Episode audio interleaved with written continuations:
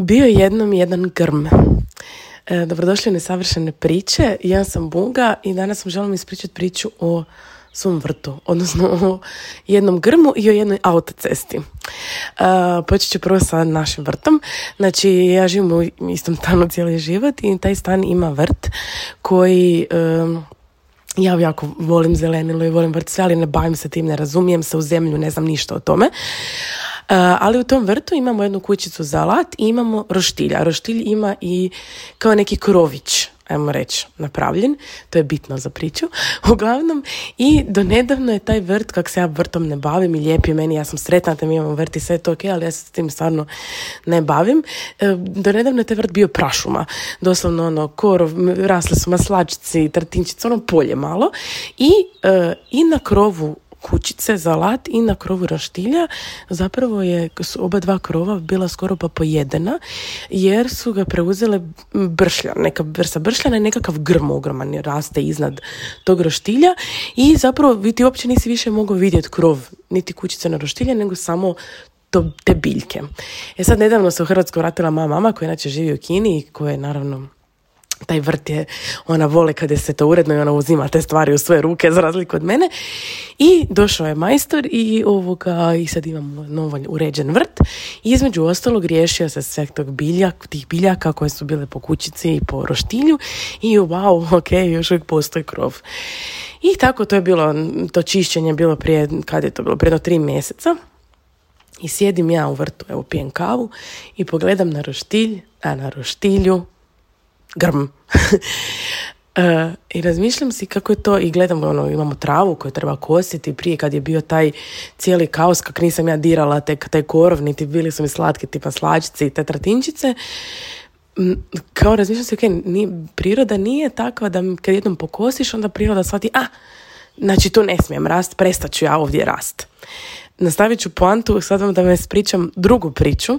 Upravo čitam knjigu Velika magija Elizabeth Gilbert i stvarno, stvarno vam preporučam, bez obzira da li se bavite umjetnošću ili ne, u profesionalnom životu e, ili uopće, ali zaista, zaista vam preporučam knjigu. To je knjiga koja se čita više puta, ali je jako pitka, nije filozofska, a i, jednostavno svaku rečenicu bi narađe, ono, pročitala bi vam narađe cijelu knjigu.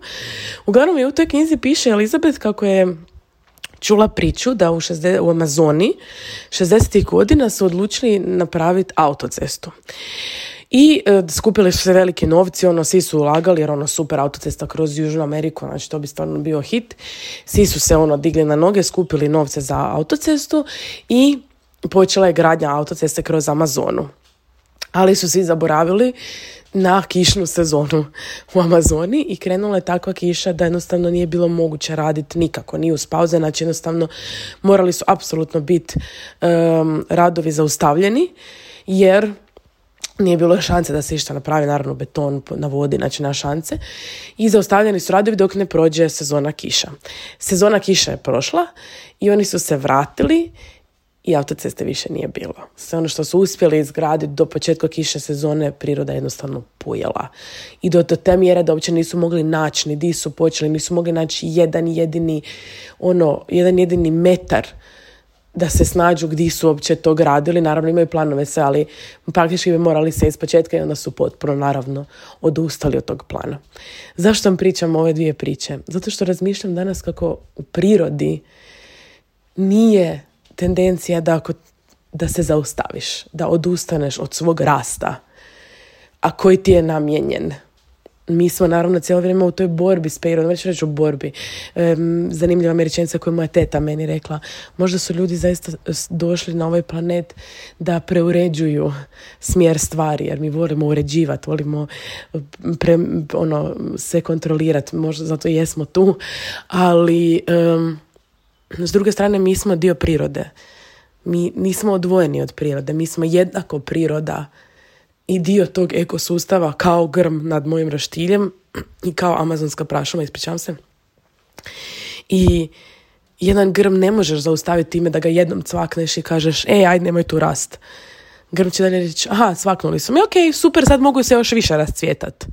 Kako to obično biva, kako mi kažemo, s korovom i zovemo ga korom negativno jer kada ti cvakneš, a on i dalje raste i ustraje.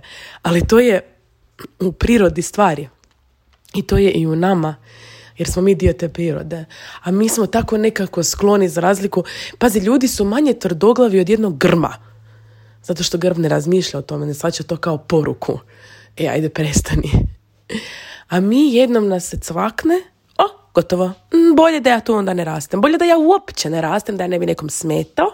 Bolje da ja uopće ne idem za svojim snovima, svojim potencijalom, svojim putem.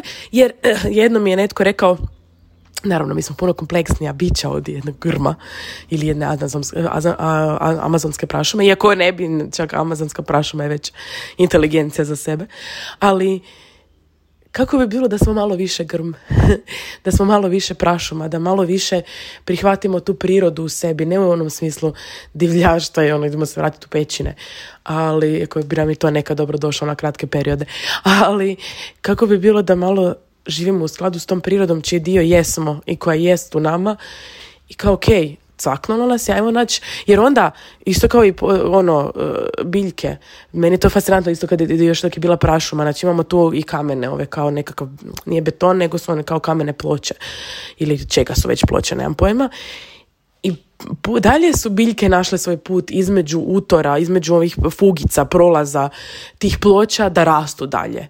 Priroda uvijek nađe svoj put, kad, čak i kad ju preusmjeriš. Ako ti staviš, ne znam, kolac oko kojeg može rast, onda će rast u tom smjeru, ali će i dalje rast.